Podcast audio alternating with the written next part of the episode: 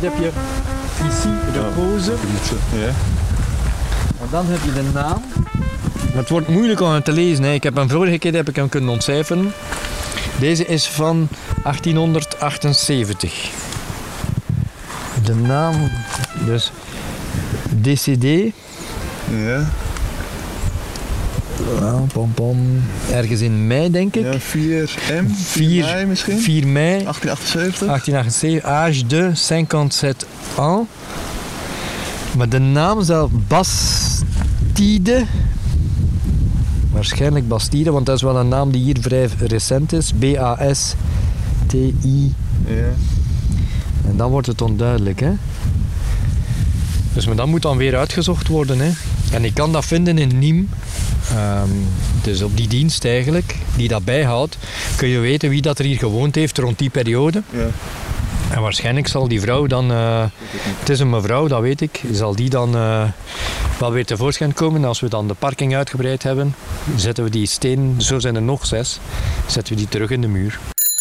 Ik ben Jerry. En ik ben Kees. We zijn allebei wielergek, fietsen zelf regelmatig en kijken alles tot los en vast zit. Al van jongs af aan. Dus maakte onze hart een sprongetje toen bekend werd dat de zesde etappe van de Tour de France dit jaar eindigt op de Mont Aigual in de Cevennes. En niet alleen omdat deze berg in onze Nederlands fiets-DNA zit, door het beroemde boek De Renner van Tim Krabbe. Maar ook omdat ik rond de flanken van de Mont Aigual woon. Ik werk vanuit Zuid-Frankrijk voor het AD en run een sheet samen met mijn vrouw.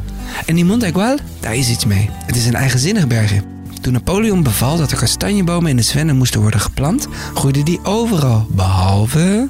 Op de Mont Aigual. En als het in de vallei 30 graden is en je fietst naar boven, dan kan het op die top opeens maar 5 graden zijn en heel hard stormen. Daarnaast doen er hier tal van andere verhalen de ronde over de Mont Aigual. Van epische wielenverhalen tot bosbranden en zelfs de dood. De reden genoeg om op onderzoek te gaan en de lokale verhalen van de Mont Aigual te ontdekken. Welkom bij de podcast Le Cycliste. Welkom in de Cevennes.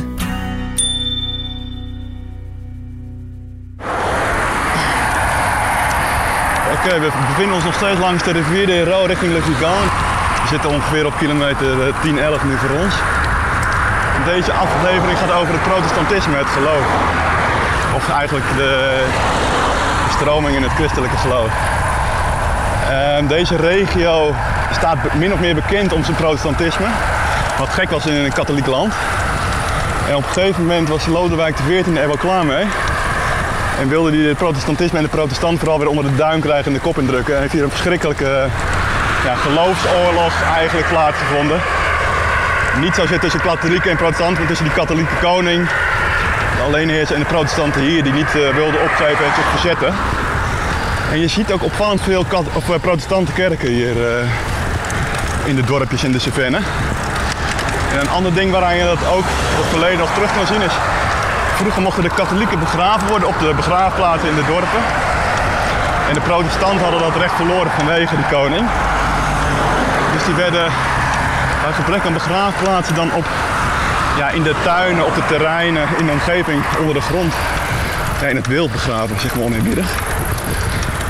En her en der zie je dan cipressen staan hier in de omgeving. Ja, één cipres betekent vaak dat er één protestant onder begraven is. En bij een groepje van twee, bijvoorbeeld drie, betekent dat daar twee of drie mensen met het protestantse geloof begraven liggen. En dat er later als gedenkteken een cipres op wordt geplant. En eh, de, de, vriend van, eh, eh, van Hans, die, die weet er meer vertellen, toch? Ja, Francis, de echte Zevenol, ja, die heeft daar van alles over gehoord in zijn jeugd. eh. Dus laten we daarheen gaan. Ja.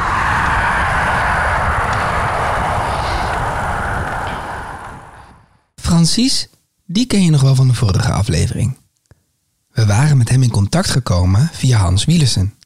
Een echte 7-0, dat was wel duidelijk. Ook op het gebied van de strubbelingen tussen protestanten en katholieken, die hij als kind van zeer dichtbij meemaakte. Et vous, vous êtes... Moi Oui. Euh, Je suis athée. Ik ben atheïst. Mijn vader was protestant, mijn moeder katholiek dus. Ça c'est spécial, non Très spécial. C'est difficile pour votre parent Euh, mais- Was dat moeilijk voor uw ouders? Nee hoor, ze leefden niet lang samen. Want vroeger in de jaren 40 was dat niet de bedoeling. Een katholiek en een protestant, dat ging niet samen. Daar kreeg je alleen maar moeilijkheden door. Mais ils sont mariés. Non, non, pas du tout. Non, non, non, non. Je suis né, j'ai le nom de mon père, je porte le nom de mon père, mais Nee, nee, helemaal niet. Euh, Toen ik werd geboren kreeg ik de naam van mijn vader. Die draag ik nog steeds, maar ze waren niet getrouwd. Dat had dan in de katholieke of in de protestantse kerk moeten gebeuren en dat was problematisch. Leur vie, quoi. C'était pas la mienne. Ze woonden wel samen, maar Acht jaar en daarna is het een beetje... ja, precies. Ja. Een zeer bijzonder verhaal. Een huwelijk tussen een katholiek en een protestant kon in die tijd, we spreken van zo'n 80 jaar geleden, absoluut niet. Laat staan een kind krijgen en samenwonen. Je moet je voorstellen dat in deze tijd protestanten en katholieken niet eens op dezelfde begraafplaats begraven wilden worden. En als ze dat dan deden, dan allebei aan de andere kant met de voeten naar elkaar. Zo vertelt Francis ons. S'il y a deux cyprès, il y a deux personnes enterrées. Et ainsi de suite. Maintenant, on peut plus. Il faut faire une demande, c'est interdit par rapport... Hij vertelt dat als je een cipres ziet, dan ligt er één eh, protestant. En eh, een, een, een, zeg maar een overleden protestant, een graf. En als je er twee ziet, dan liggen er twee. Als je hier door de Cevennen loopt. En hij vertelt ook dat als je ehm, in een, op een begraafplaats, ze hadden eigenlijk aparte begraafplaatsen, maar als er dan een gezamenlijke begraafplaats was, was dat afgescheiden door eh, een, een rij bomen. Maar ze wilden niet met de rug naar elkaar toe liggen. Dus de, de, zowel de katholieken als de protestanten, die zeiden, joh, je moet met je voeten naar de andere kant liggen, zodat ik nooit mijn rug naar de, eh, naar de andere geloof hoef te, ehm, ehm, hoe zeg je dat? Ja, de, rug toe te keren naar eh, dat je nooit de rug hoeft toe te keren naar, naar het andere geloof. Omdat ze elkaar alsnog dood niet vertrouwden. De oorsprong van deze oneenigheid tussen de twee geloofsgroepen ligt diep. En lang geleden. Meer dan 300 jaar geleden, om precies te zijn. Kees en ik reizen naar Mialet, waar we een rondleiding krijgen in het museum over deze problematiek. We zijn aangekomen bij Musée du Dessert. En eh, we gaan nu eens kijken wat, wat de achtergrond daarvan is. En hoe die oorlog is begonnen en eh, hoeveel doden er zijn geweest. Wie gaan we hier spreken? Ja, dat is een grote verrassing, eh, Jerry. We hebben mailcontact gehad met het museum, want ze zijn eigenlijk dicht, maar ze gaan voor ons speciaal vandaag even open. En ik weet dus niet of het een man of een vrouw is, want die man of vrouw zijn nooit wie zij of hij was. Dus we gaan hier horen ja, hoe die oorlog was, wat het betekent, wat het heeft betekend voor de protestant en of dat nog steeds doorwerkt in het karakter van de mensen die hier, eh, die hier wonen. Oké, gewoon niet weg. Het licht brandt, dus eh, laten we maar aankloppen en heel hard gaan roepen. Of de, Precies. kijken of er iemand is. Bonjour. Enchanté, Kees. Bonjour. Maëlys. Jerry. Bonjour. Enchanté. We staan nou in, de, in het eh, winkeltje met, met allemaal kruisen en protestante kruisen en, eh, en, en plekken waar ze hebben gevochten. En bloedige kaarsjes hier al en, en geheime genootschappen waar eh, mensen bij, hoe heet het, bijeenkomen op rotsen en in, in de wind. Allemaal kenmerkend voor, voor, ja, voor, deze, voor, de- voor deze streek, hè? Want, want wind is ja, een groot ding. Als je hier in het halletje staat, dan, dan zie je ook een, een, een glazen plaat waar je naar beneden kan kijken. En dan zie je de zwaarden en de hakbijlen liggen met een tafel en een pistool op, op de tafel. Als een soort van eh, geheime schuilplaats. Terwijl ik de geheime schuilplaats aan het bewonderen ben, heeft Kees onze gids Philippe ontmoet. En heeft hem al de eerste vraag gesteld. Want wat hield die oorlog nou eigenlijk in en wanneer begon het? Euh, alors voilà, le musée du désert, euh, depuis, le musée existe depuis plus d'un siècle hein, maintenant, donc c'est c'est une vieille institution, retrace donc la période du désert. Euh, c'est très particulier, ça se situe euh, dans ce que dans l'histoire de France on appelle l'ancien régime, en fait entre Louis XIV Eigenlijk tussen het regeren van Lodewijk XIV in de tweede helft van de 17e eeuw en de Franse Revolutie in 1789 was het protestantisme in Frankrijk verboden, dus zo'n 100 jaar. Daar merkte heel Frankrijk niet zoveel van, want toen was 95% katholiek en 5% protestant. Maar in de Cevennen was het het tegenovergestelde. Daar was 95% van de mensen protestant. Dus de impact van het verbod was hier groot, want het trof eigenlijk iedereen. Pratiquement le contraire. 95, 96% de la population est protestante. Voilà. Donc l'impact ici de cet interdit euh, va avoir des retombées euh, considérables parce que ça concerne tout le monde. Voilà. Donc c'est pour ça que le musée du désert. Daarnaast heeft er in die periode in de Cevennen een opstand plaatsgevonden. Vaak was die weerstand tegen het katholicisme zonder geweld en in het geniep. Maar een groep jonge Zevenolse protestanten nam tussen 1702 en 1705 de wapens op tegen het leger van de zonnekoning. In 1685 trok de koning het edict van Nantes in, waarin het recht van de protestanten was vastgelegd om hun geloof te beleiden. Eén generatie later begon dus de oorlog van de camisards. Anti 1685, voilà, euh, 20 ans plus tard, une génération plus tard, c'est la révolte. Voilà. Een kleine twintig jaar na het verbieden van het protestantisme kwamen de mensen in opstand. Van 1702 tot 1705 woedde er een bloedige oorlog in de Cevennen onder leiding van enkele beroemde, of moeten we zeggen beruchte, Camisar. Een korte oorlog waar de meerderheid, onthoud, zo'n 80% van de mensen in de Cevennen was protestant, glorieus zou overwinnen, zou je denken. Maar het tegendeel was waar. Gagné, non Euh, alors, non, si, si on est juste, les camisards ne, ne, ne, ne, ne, ne vont pas être les victorieux. Voilà. Euh, parce que ben, la répression. Ehm, nee, de camisards hebben de oorlog niet gewonnen. Want de repressie door de legers van de koning was erg groot. Er waren executies en deportaties en niet iedereen deed mee aan het gewelddadige verzet. Dat werd vooral gedaan door de jongeren. De arme jongeren, de boeren, de bouwlieden. Zij verzetten zich. Les paysans, les artisans euh, qui se révoltent. La bourgeoisie protestante. Edelen deden niet mee om hun zaken niet te schaden. En tot slot was het voor de protestanten ook moeilijk om geweld een plek te geven in hun geloof. Une révolte, la violence aussi. Hein, les camisards, c'est pas des anges. Hein, euh, voilà. Euh, dans, dans, dans ce protestantisme euh, au XVIIIe siècle. Aha. 80% was dan wel protestants, maar diezelfde 80% volgt niet per se mee in de opstand. Een van de redenen was het geweld dat gebruikt werd aan beide kanten. Slagpartijen waren niet ongebruikelijk en dit schrikte de mensen af om mee te helpen. Daarover later meer, als we het over de leider van de opstandelingen op en rond de Montaigual gaan hebben, Henri Castanet. Een andere reden om niet mee te vechten was de handel. De bourgeoisie, het welgestelde deel van de bevolking, zag niet zoveel in een bloedige oorlog. Want onveiligheid schaadt, je raadt het al, de economie. En dat, dat wilden ze niet. Maar niet alle rijke handelaren hielden zich afzijdig. In Merves, een plaatsje aan de voet van de Aigual, werden geheime bijeenkomsten van de plaatselijke welgestelden gehouden. Samen met Philippe Chambon, historicus en woonachtig in Merves, namen we een kijkje.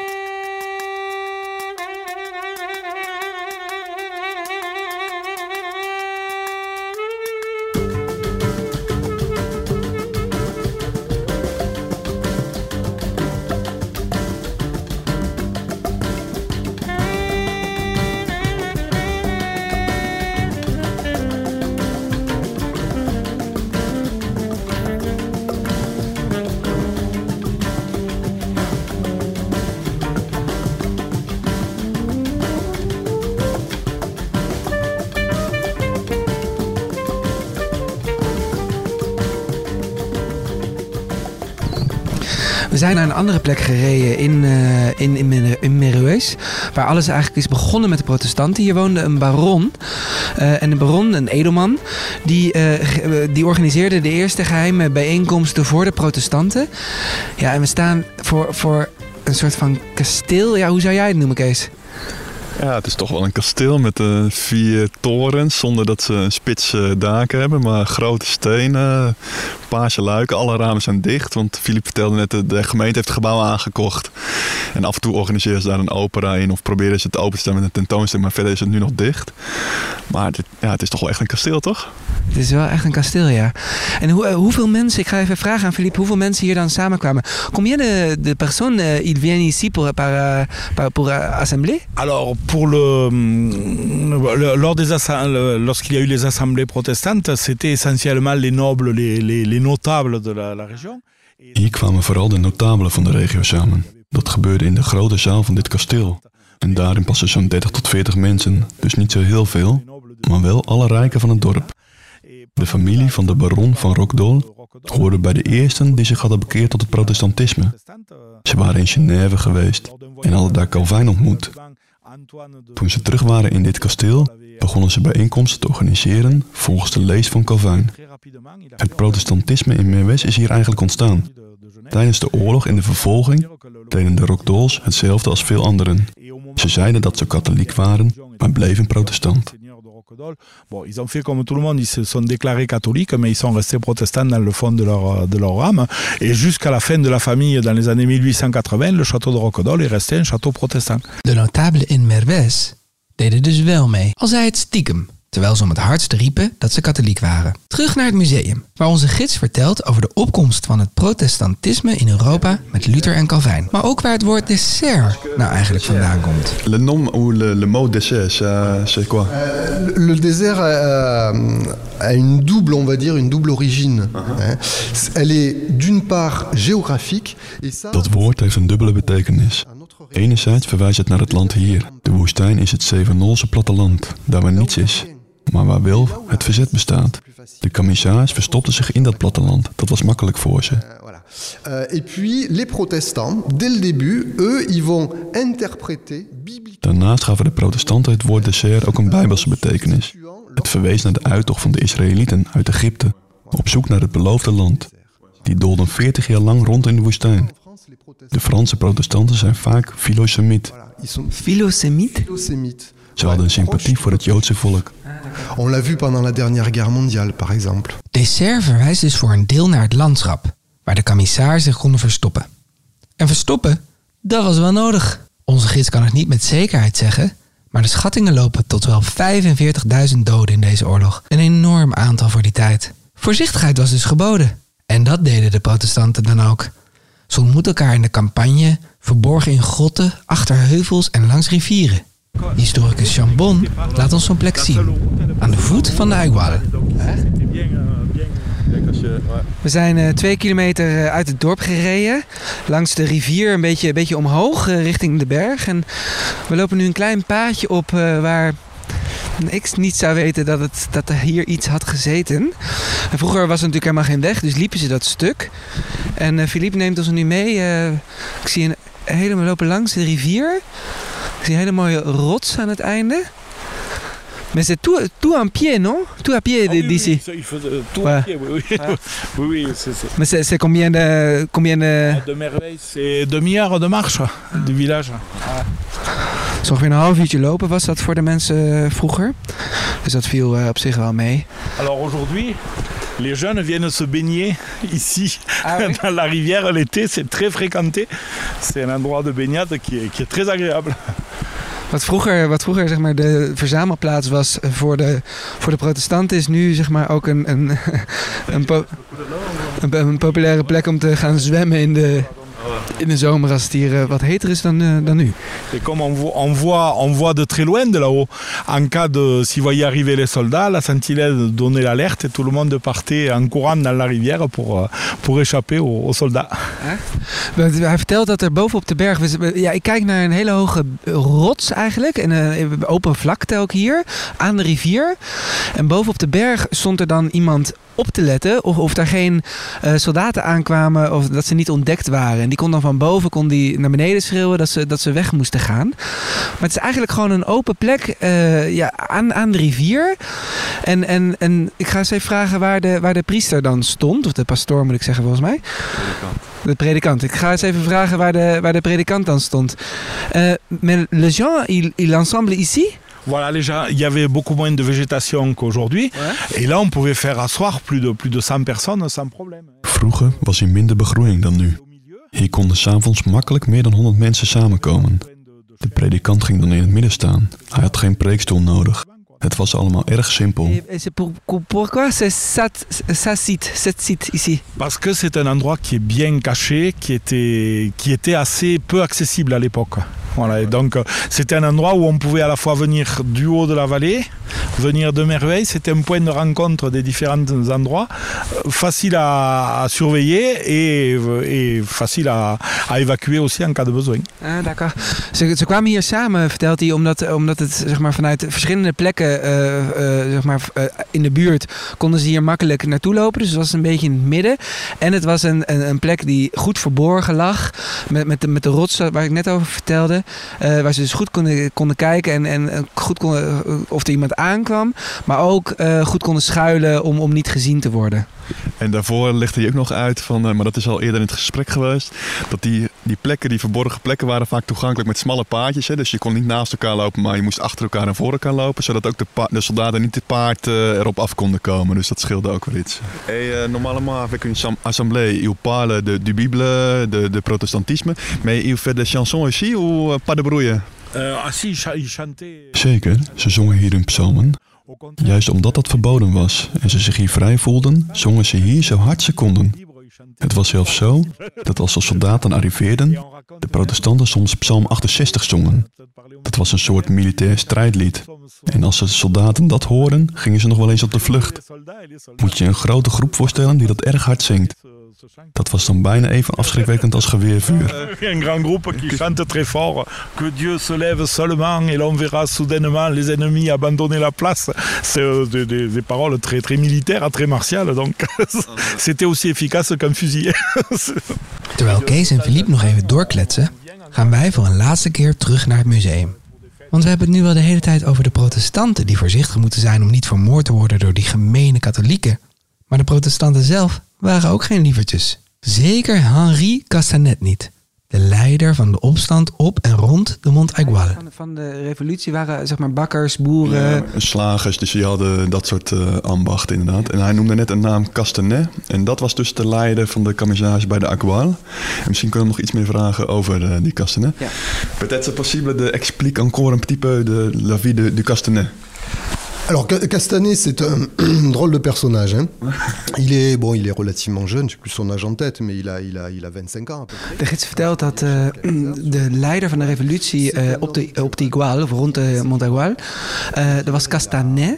En eh, ja, op zijn zacht gezegd, Castanet was, was geen lievertje. Het was een gewelddadige man die, die ook eh, in die tijd, natuurlijk een andere tijd dan, dan deze tijd, maar ook echt hele dorpen uitmoorde en, en veel eh, doden op zijn, eh, op zijn geweten heeft, heeft gehad. Ehm, en verder, verder vertelde hij dat Ja, wat wel mooi was, eh, dus ook Roland hier, de chef hier, maar ook de Castanet op de Aqual. Het zijn dus wel mannen die werden gekozen door hun eh, medestrijders, zeg maar. Hè, omdat ze iets speciaals hadden, iets slimmer waren of, of iets harder praten of moediger waren. Dus dat is eh, aardig. En het grappige is, hij zegt, ze maakten, ja, ze echt gebruik van guerrilla-technieken. Dus ze vielen aan op momenten dat die grote het niet verwachten. S'nachts, eh eh, om de hoek of als het eh, niet zichtbaar was. En wat ze vaak deden was eh, en de wapens afpakken van die dode soldaten, maar vooral ook hun schoenen. Omdat ze, ja, ze liepen alles, ze, ze liepen veel. Dus die schoenen waren van goede kwaliteit en eh, nou, die namen ze lekker mee. Ja, precies. En ze moesten ook wel guerrilla-praktijken doen. Want het was 1 op 10, toch, zei hij? 1 op 10, dus was op, op één Camisage en 30.000 eh, soldaten van de koning. ja, van de katholieken. Dus ja, als je, als je 1 op 10 eh, moet vechten, dan moet je wel iets verzinnen. Et roué vif et brûlé en place publique à Nîmes. Voilà, ouais. Ouais, ouais, et fini exécuté. 1705. Ouais, ouais, trois ans. Là, c'est la fin de la guerre. Plus de révolte. Mais la résistance continue. Les protestants continuent à résister, mais pacifiquement. Henri Castanet werd geëxecuteerd in 1705 in Nîmes. Hoe dat precies ging in die tijd, daarover straks meer. Nu gaan we snel even terug naar de fiets, waar het heerlijk vredig is. Zeker als we dat vergelijken met drukke Nederlandse wegen. Het is nog steeds een drukke weg hier. Als je die zelf fietst, zou ik hem even overslaan of gewoon heel hard even doortrekken. Ah, wat je wel vaak merkt dat de Fransen vrij eerbiedig zijn met fietsers. Hè? Dus ze zijn wel relaxed, hè? er zijn nog wel geen fietspaden, maar ze gaan ruim om je heen. Dat scheelt. Ja, mijn fietsen eigenlijk best asociaal naast elkaar. Ja. ja, ik heb pas één toetje gehoord net. Ja, één toeter net, ja.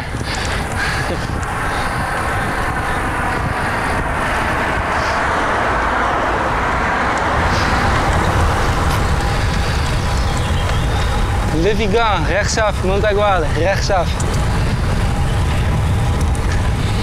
Het duurt nog wel even voordat we met de fiets boven zijn.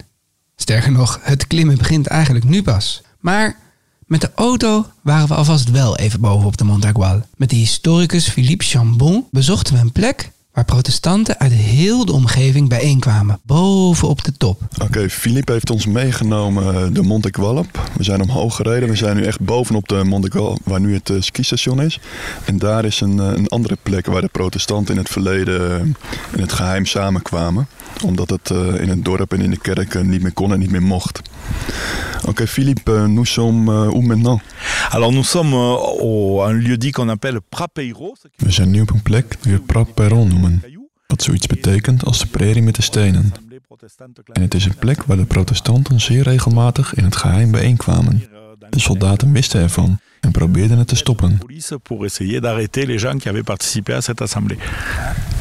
Et c'était tous les personnes, tous les protestants qui, euh, qui habitent autour de Montegual, qui montent ici. Voilà, alors c'est c'est un endroit bien choisi parce qu'il y a plusieurs chemins qui viennent des différentes vallées qui entourent les Gouales.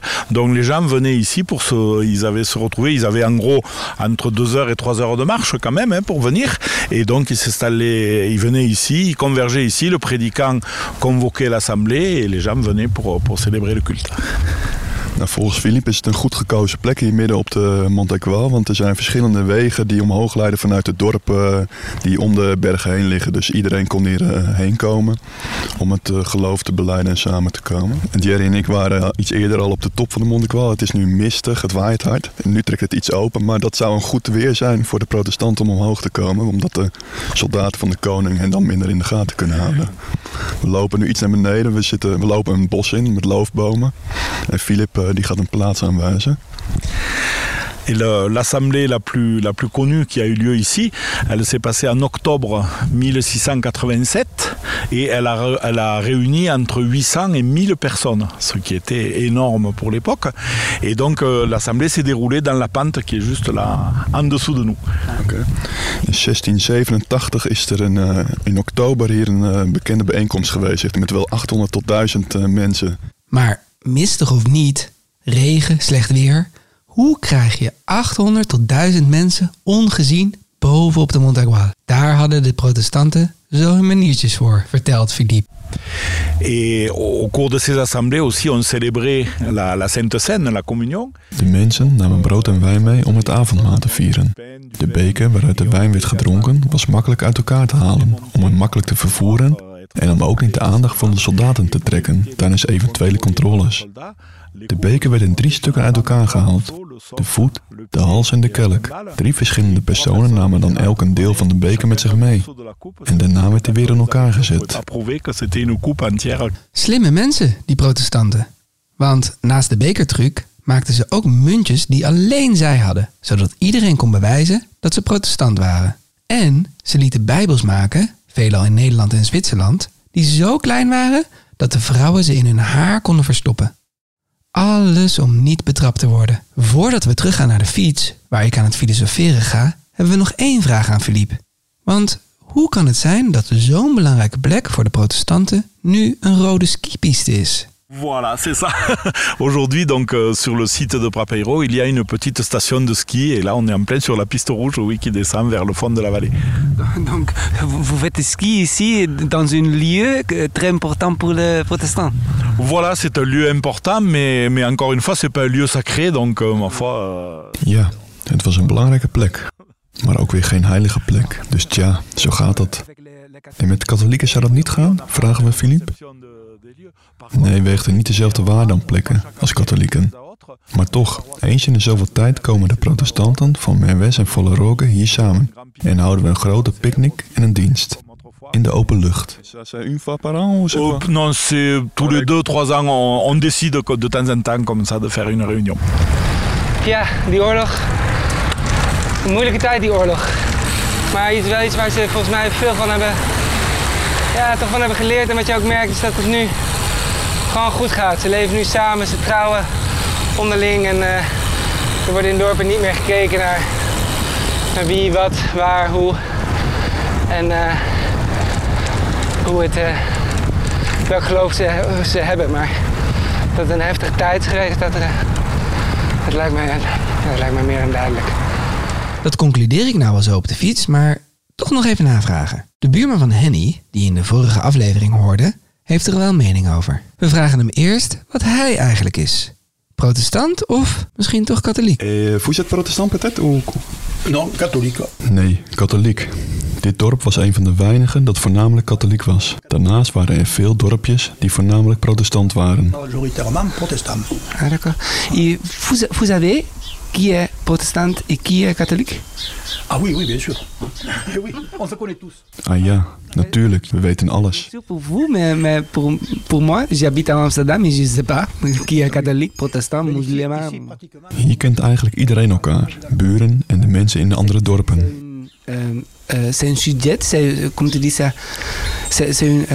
is het een gespre- onderwerp van gesprek, zeg maar? Is het iets waar, waar mensen rekening mee houden? Euh, il demande si c'est important. Quand tu euh, parles avec des autres gens, c'est important la religion entre Euh. les gens. On parle du. Oh, plus maintenant. Maintenant, euh, Nu niet meer. Er zijn nu geen verschillen meer tussen mensen. Iedereen is gelijk. We kennen elkaar, zijn vrienden, katholieken en protestanten.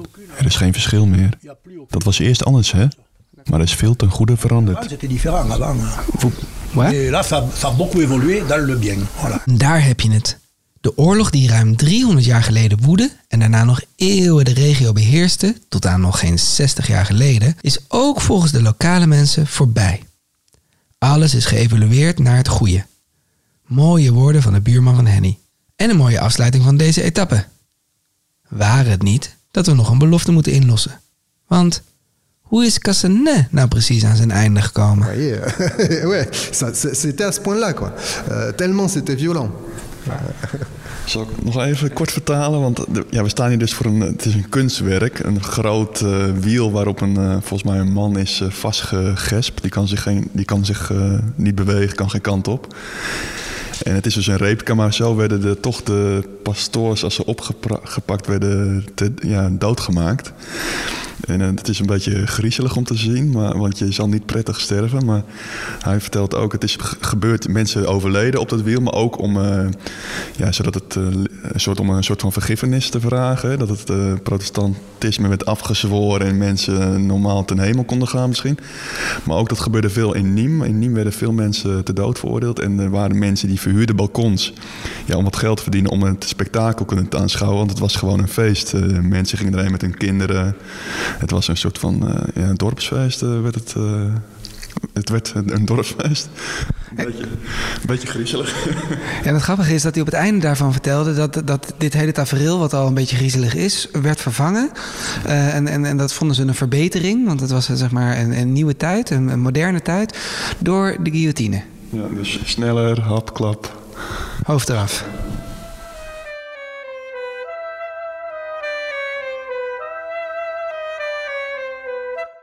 Une orange sur la table, ta robe sur le tapis,